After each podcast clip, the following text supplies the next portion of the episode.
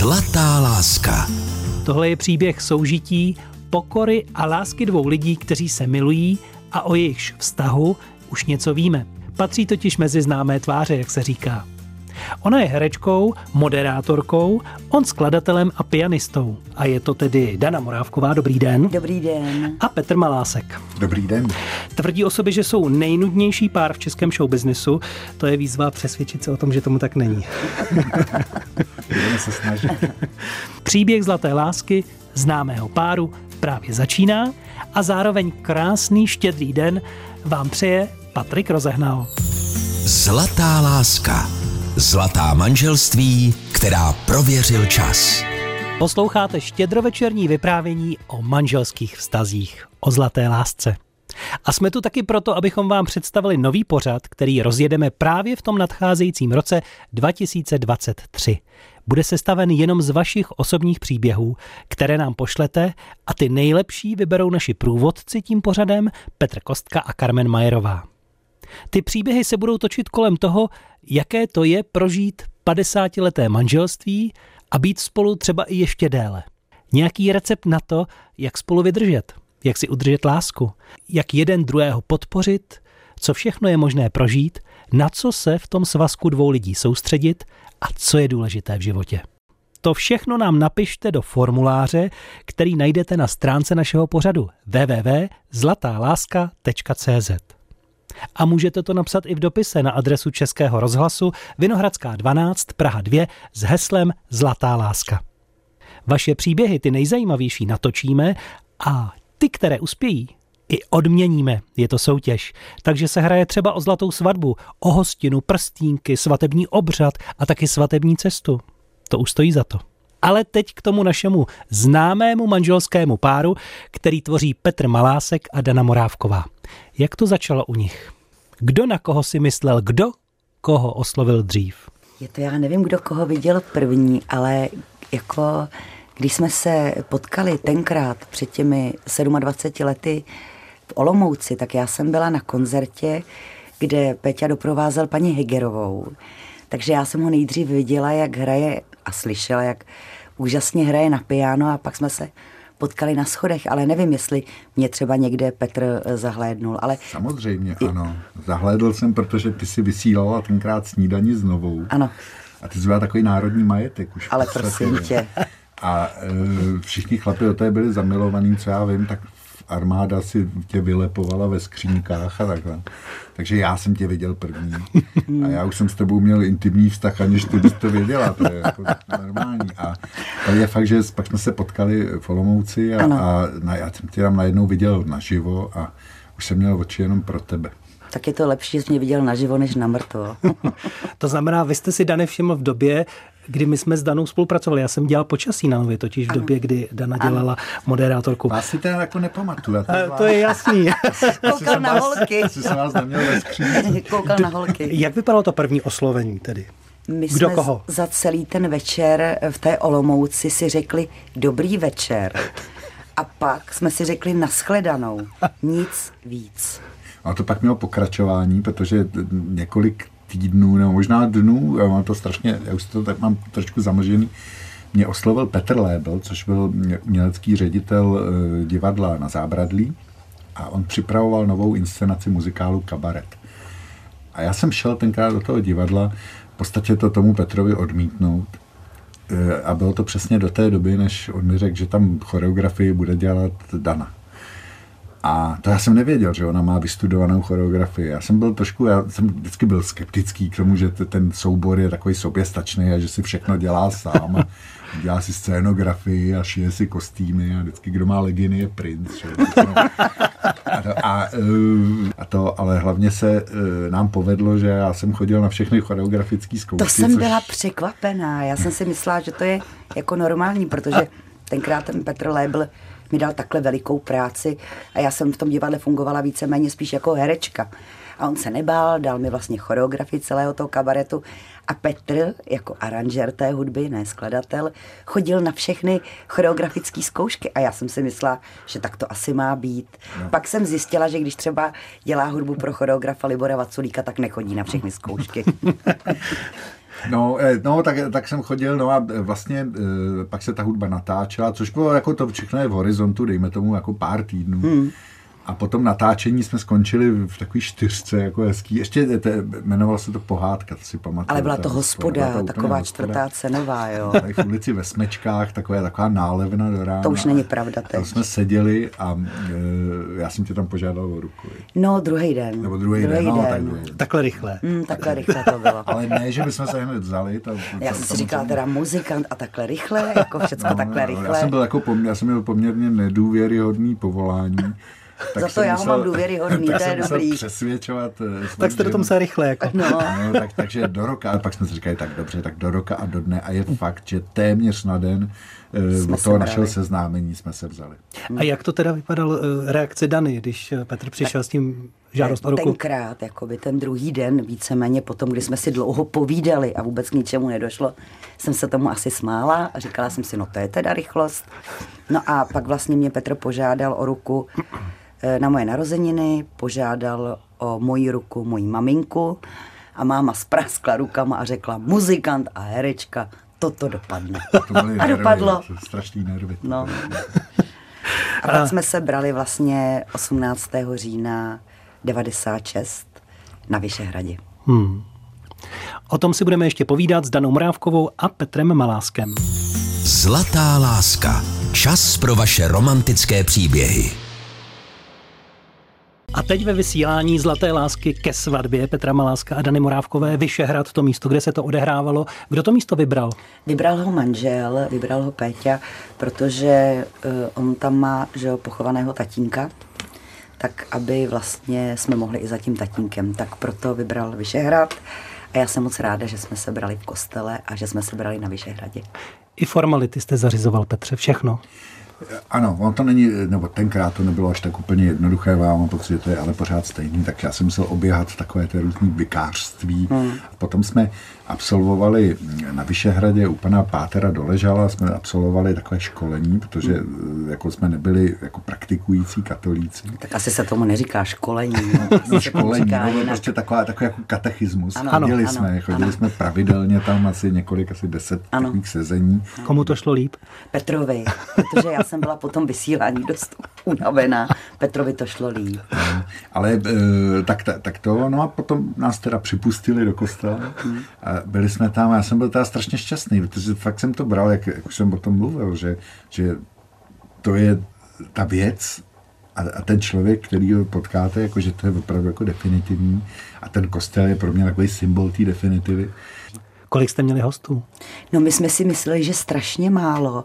A když jsme se Petře otočili, tak jsme měli plný kostel. A bylo to báječný, protože mě svědčil pan režisér Petr Weigl, kterého jsem vždycky strašně měla ráda, obdivovala, to byl šlechtic mezi režiséry, už bohužel tedy mezi námi není. A, ale já se pořád přátelím, kamarádím s jeho přítelem, takže pořád ty vztahy udržujeme a Péťa měl svého životního kamaráda uh, Bubeníka Barryho Zbořila a, a i ten na to vlastně do dneška vzpomíná. Hmm. Hmm. A byla tam samozřejmě paní Hegerová, tam byl, jako rodiny tam byly, ale z těch vzácných hostů tam byla třeba paní Hegerová, pan režisér Troška, mý kolegové, kamarádi z divadla, herci, režiséři a přišel tam i Petr Čtvrtníček na chvilku, takhle nám dal obálku a zmizel. A když jsme tu obálku otevřeli, tak tam bylo napsáno, máte tady bombu. Prostě Petr Čtvrtníček. No. Když mluvíme to úplně evokuje, jste říkal, že tam byl Zdeněk troška, mm. vy do něj úplně míříte, jako Petře, teď ti to vyzáží jo, trošku. Tak, já, já, jsem, já, jsem vždycky, já jsem to měl vždycky tak, já jsem mm, vždycky se někde objevil a přišel jednou, já jsem mi stalo, přišel za mnou takový chlapeček a říkal, dobrý den, mohl byste se mi podepsat, pane Hložek. jsem říkal, to, to není možný. Tak říkám, nechám si narůst fousy a to a teď za mnou někdo přišel a byl, mohl byste se mi podepsat, pane Troška. Takže jsem si moc nepomohl. Ale podepisu umím i Hložka. I Nutnost. Eh, jaké to bylo svatba vy vlastně oba jste velmi brzo přišli o tatínka v Dana v 15, se já, nepletu. Já velmi brzo, ano. Já v Petr 19. Jako docela hodně podobný osudy tady hmm. v tom s Petrem, což jsme nemohli tušit, když jsme se seznámili, že máme hodně podobný osudy. A myslíte si, že vás to třeba právě trošku i svedlo dohromady tímto? No já si myslím, když eh, holce umře tatínek a ona je v tomhletom jako věku, tak uh, moc jako si nemůže povídat nebo mít vztah se stejně starýma klukama. Že si myslím, že to by asi byl nějaký psycholog nebo psychiatr by vám to samozřejmě jako vysvětlil odborně, jo, ale já si myslím, že on ten táta tak strašně chybí, že potřebuje k někomu rozumnému vzhlížet, kdo jí bude v tom životě radit. A Petr ne, že by byl o tolik starší, protože je starší jenom o sedm let, ale myslím si, že hodně mi toho tátu zastupuje doteď. Hmm. Hmm? Petře, co vy... Ne... Eh, Dana mi taky toho tátu zastupuje. Nechyběli ti tátové, nebo jak jste to vnímali na té svatbě, no na tom moc, vytouženém okamžiku? Jasně, že ano. No to, to moc, když, pak když, já nevím, už když jsem maturovala, tak eh, holky šly pro táty a já jsem šla pro pana učitele nebo zástupce ředitele. Pak, když jsme měli svatbu, tak samozřejmě ten táta chyběl.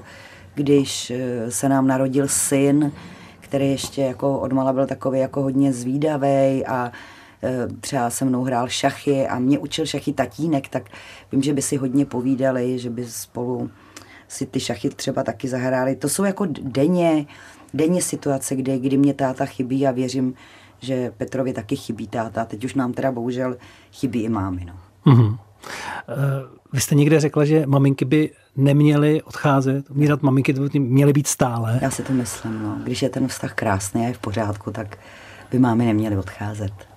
Dana Morávková, Petr Malásek. Zlatá láska. Čas pro vaše romantické příběhy.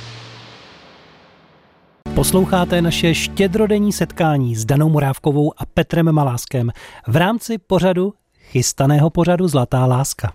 Ten bude o partnerských vztazích a o tom, co spolu dva prožívají během manželství, které trvá 50 a více let. Ještě se dotkneme chvíli té svatby, toho důležitého okamžiku, kdy dva lidé najednou dají tomu okolí najevo, že patří k sobě. Dano, co jste měla na sobě? Pamatujete si to? Měla jsem bílé šaty s krajkou a ty šaty mi šil pan Jelínek, což je úžasný, hlavně jako filmový a divadelní, a, a divadelní kostýmní, kostýmní výtvarník a návrhář a vlastně také můj přítel. Vy jste to vzala tak divadelně. Dělala jste tomu i choreografii? Choreografii nám udělal pán Bůh a osud. Jo, jo, jo, jo, dokonce i výběr hudby eh, nám zařídil, protože najednou my jsme Ach, tak jako tam krásný. stáli a, a najednou se ozval jako nebeský zpěv. A říkali jsme, co to A my jsme nic neobjednávali. Jsme netušili. A eh, moje milovaná paní profesorka, profesorka z, Damu, z Damu, které jsme říkali Beruška, paní profesorka Karaninová se domluvila e, s panem Farářem a zaspívala nám. A my jsme o tom nevěděli. No strašně hodní jsou ty lidi kolem nás. Yeah. Slzeli jste? My jsme to jako ne- nečekali. A když jako chodili za náma lidi a mě se hrnuly jako slzy do očí, tak vždycky přiběhla Jiřinka Pálerová, kterou taky jsem znala, že od mých 13 let. Úžasná paní maskerka, která dělá Filmová krásný a skvělý filmy, tak vždycky přiběhla a otírala mi to.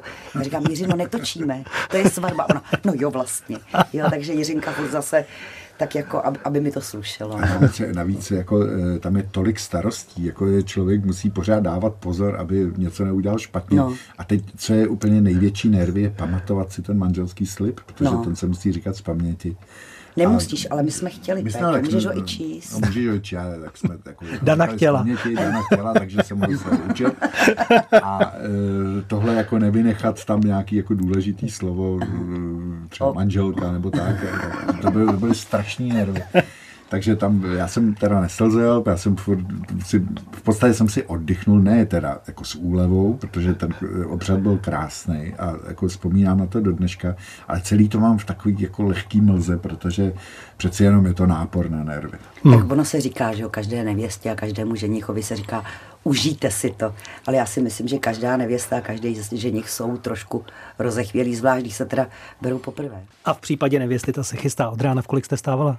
Já nevím, jestli ta Jiřinka Pálerová, protože já jsem opravdu spala u mojí maminky, my jsme nebyli spolu tu noc, tak jak to má být, neviděl moje šaty, viděl je až eh, na svatbě, tak já myslím, že Jiřinka Pálerová přijela k nám třeba 7 ráno a my jsme se brali, Péťo, v pravé poledne, pravé poledne ve 12. Hmm. Takže v 7 přijela Jiřinka a začala mě dělat na princeznu. Hm.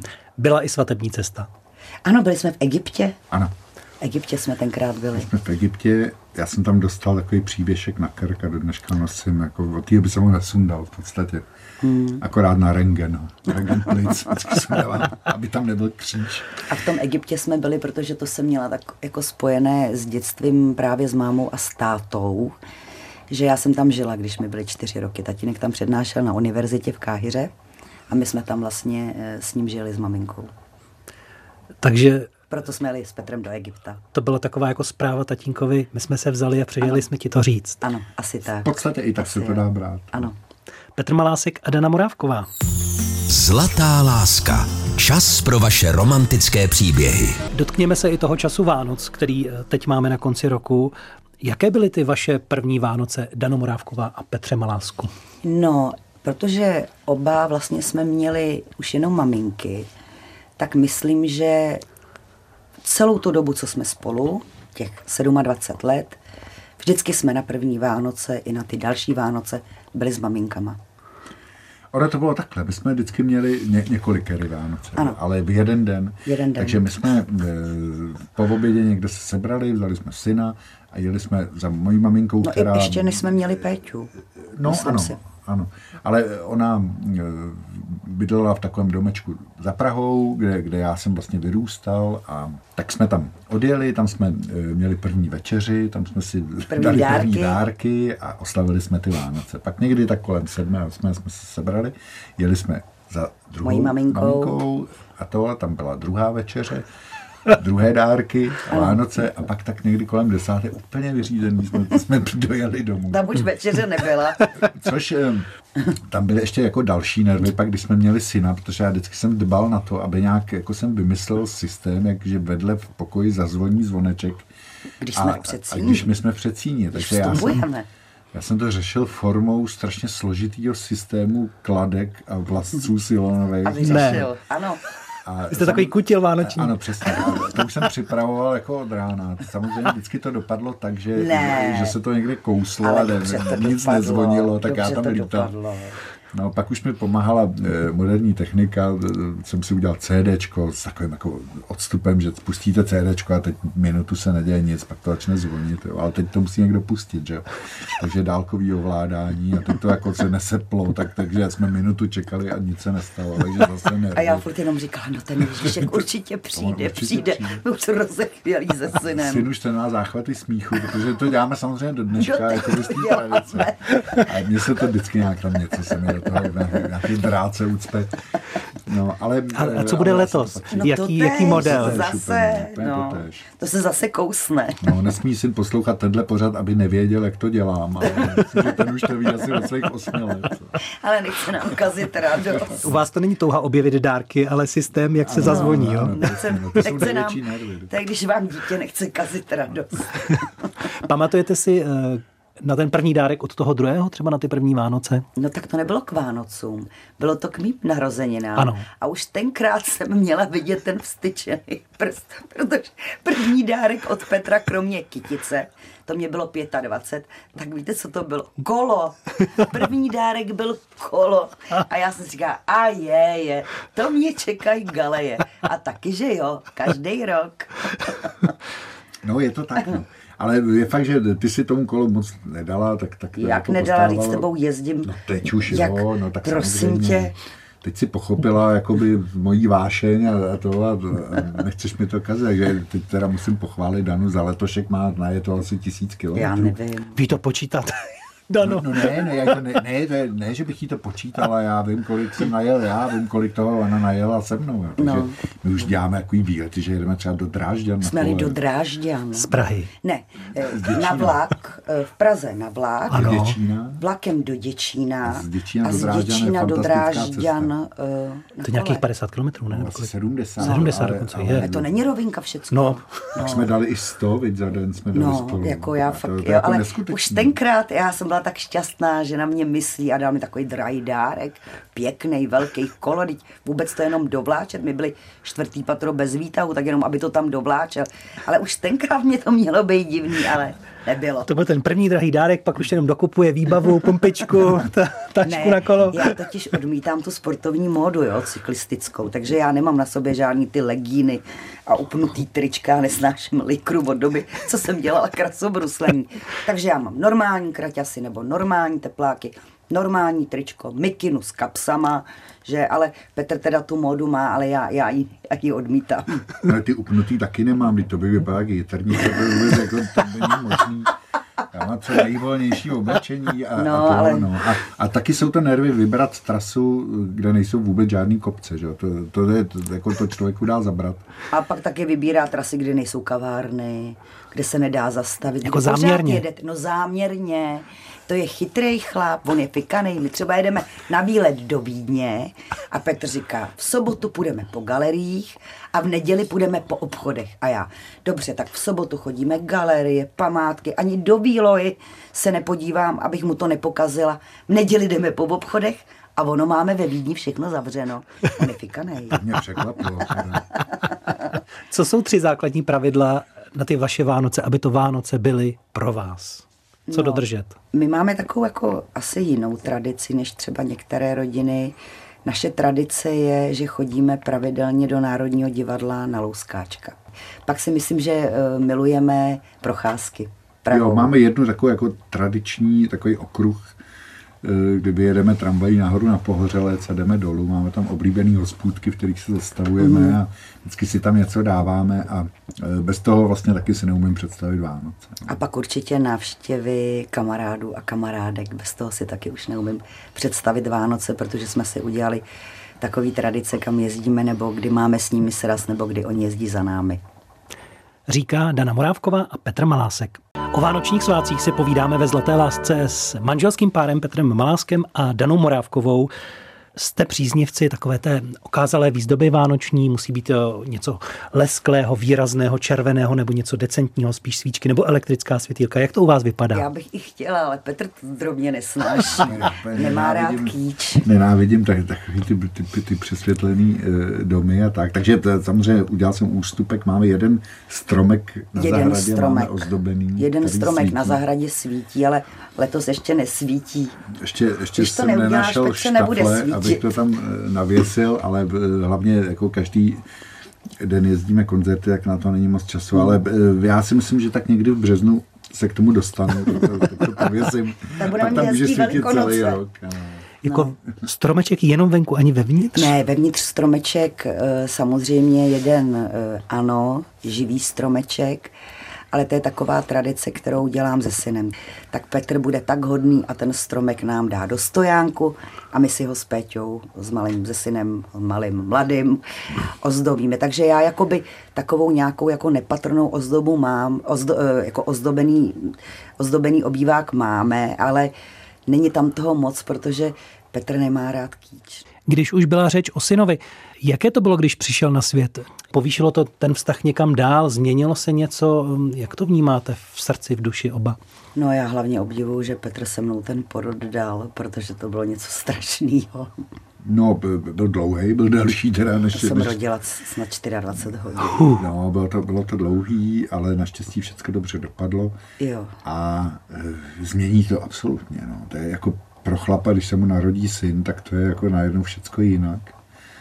Je fakt, že si člověk na to musí chvíli zvykat. Jako mně se stala taková věc, že jsem e, doma pracoval, hlídal jsem malýho Péťu, který byl, mu bylo pár měsíců. Jsem ale já byla jsem, u mámy třeba v ten moment. ano, nebo ano.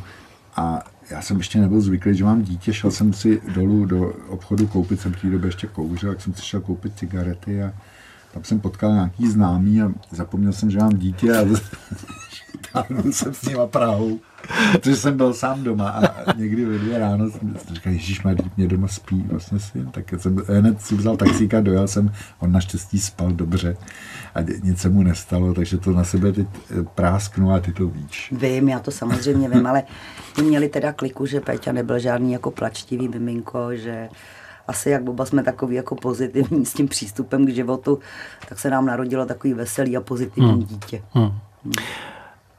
Jak funguje máma? Myslí na toho syna dnem a nocí ty myšlenky kolikrát denně, nebo i takhle na dálku, když teď je v Anglii, třeba už je z něj velký kluk? Jo, když jsme jeli teď za vámi na rozhovor, tak jsme si samozřejmě volali, jo. Takže je, každá máma, pokud je ten vztah v pořádku, na svoje dítě myslí pořád. Hmm. pořád. No, on a i táta kolikrát. I táta a pro mě právě vždycky ty Vánoce e, začnou, až když tady syn je, protože jsem mu samozřejmě tři měsíce neviděla. Máme to určitě teď mnohem jednodušší, tím, že si můžeme volat přes ten FaceTime. Dřív to měli lidi mnohem složitější, ale to víte, že myslíte na dítě několikrát jako za den. I teď. Ale je pravda, že on je samozřejmě samostatná jednotka, je to hmm. dospělý člověk a, a myslím, že se o sebe dokáže velmi dobře sám postarat, ale i přesto jako on sám tu a tam zvedne telefon a hmm. zavolá, jak se máme, což je jako takový docela hezký že jsme říkali, tak asi, asi je všechno v pořádku. Já říkám, Peťo, stalo se něco? Ne, ne, ne, jen vás chci pozdravit. Tak to je hezký. Co vás od něj tak nejvíc zahřálo v životě? To, že je.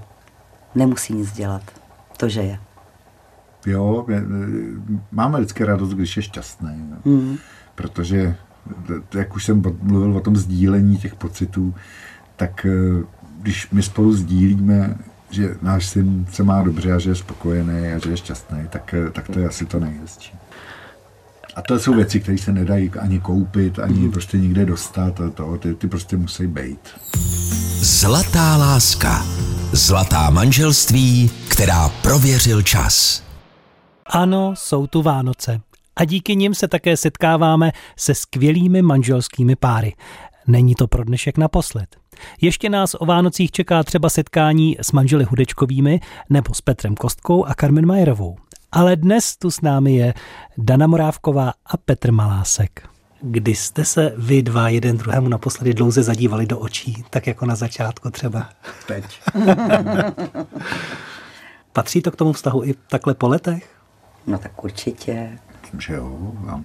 A to jsou, to, totiž to, to ani nevíme, když to děláme. No právě, no tady mluvíme o něčem, což já, co já považuji za takovou jako samozřejmost, nebo za úplně jako přirozený věci, protože sám jsem vyrost v poměrně harmonickém vztahu dvou lidí, mýho táty a mojí mámy, tak eh, vlastně to neberu, že, že je to něco výjimečného. Možná je, já nevím, ale, ale rozhodně ne u mě a já jsem šťastný, že to mám takhle. Hmm. No, myslím, že Petr to řekl krásně. Hm. Jaký je váš recept, doporučení, třeba pro ty mladé, kteří se teď budou brát, aby jim to fungovalo, aby to prostě klapalo? No já mám pocit, že teď ta mladá generace to má jako trošku složitější tím vším, co je kolem nich a e, pardon, i tou technikou, jo, protože my, když jsme s Petrem byli mladí, tak jsme se domluvili, tenkrát nebyly ani mobily a měli jsme prostě někde sraz a taky se nám stalo, že já čekala v jiné kavárně a Petr čekal v jiné kavárně, pamatuješ? No a, a nedalo se to nějak propojit. A nedalo se to propojit. Tak Kdo jsem, se zvednul dřív? No já jsem pak, mě napadlo volat k vám, že zvedla to tvoje maminka, pevná linka tenkrát jenom byla, jo. takže teď sice ta technika jako skýtá mnoho, mnoho výhod, ale eh, tady na eh, ty seznamování mnoho nevýhod, protože mám pocit, že ty lidi třeba kolikrát se ani jako nepotřebují vidět, nemají potřebu někam jít na zkusku, na rande, do kavárny, do kina, do divadla. Je to prostě jako pro ně těžší, nebo když si povídám s mladšíma, že jo, kamarádkama, nebo studentkama, nebo s holkama, který jsou nezadaný a tak touží potom, aby někoho potkali, aby měli rodinu. Mají to jakoby tadyhle v tom těžší, ale když už se to povede, tak asi bych jim jenom um, popřála a doporučila, aby poslechli vždycky srdce. Aby nehráli žádné hry a poslechli své srdce. Já vím, že vám tam ještě dost zbývá času a je to čas pro to užít si to nádherné manželství, ale náš pořad je o tom 50 let a více spolu. Mm. Já vám to přeju, ať tu zlatou sorbu taky oslavíte. Co byste vy chtěli udělat pro to, abyste tu zlatou svatbu oslavili? Nebo uvažujete o tom, jak ji oslavíte? Tak my, když jsme se brali, tak mě tenkrát Petr řekl, to si pamatuju, že by byl se mnou šťastný i v Temešváru. Takže když jsme měli 20 letý výročí, tak jsme jeli do Temešváru. A druhá věc, kterou mi tam slíbil, bylo, že, by se mnou, že se mnou bude 100 let. No, takže ještě pár let máme. Takže ještě sebou. máme pár let před sebou. Mm. tak, se, tak, tak, eh, nechci se zabývat takovýma malichernostma, jestli, jestli to vydržíme. Samozřejmě, že jo. No samozřejmě, že jo. Slibují svatosvatě tady ve studiu a dnes Petr Malásek a Dana Morávková a já budu rád, když podobné příběhy uslyšíme i od vás, když nám je nejdřív napíšete třeba přes stránky zlatáláska.cz nebo pošlete dopisem na adresu Českého rozhlasu Vinohradská 12 Praha 2 s heslem Zlatá láska a napište tam všechno, co jste prožili, ať máme bohatý a barvitý příběh a třeba zrovna vy vyhrajete tu oslavu, znovu vás vypravíme na svatební cestu, vystrojíme vám svatební hostinu, dáme dárky, pošleme do lázní a tak podobně. Teď úplně závistivě kouká Dana. Znova Temešváře, to by se mi líbilo, tam to bylo boží. Petře, Dano, moc děkuju. Krásné Vánoce, ať se vám daří a všechno dobré do manželství dál. Vám Děkujeme. taky a vašim posluchačům.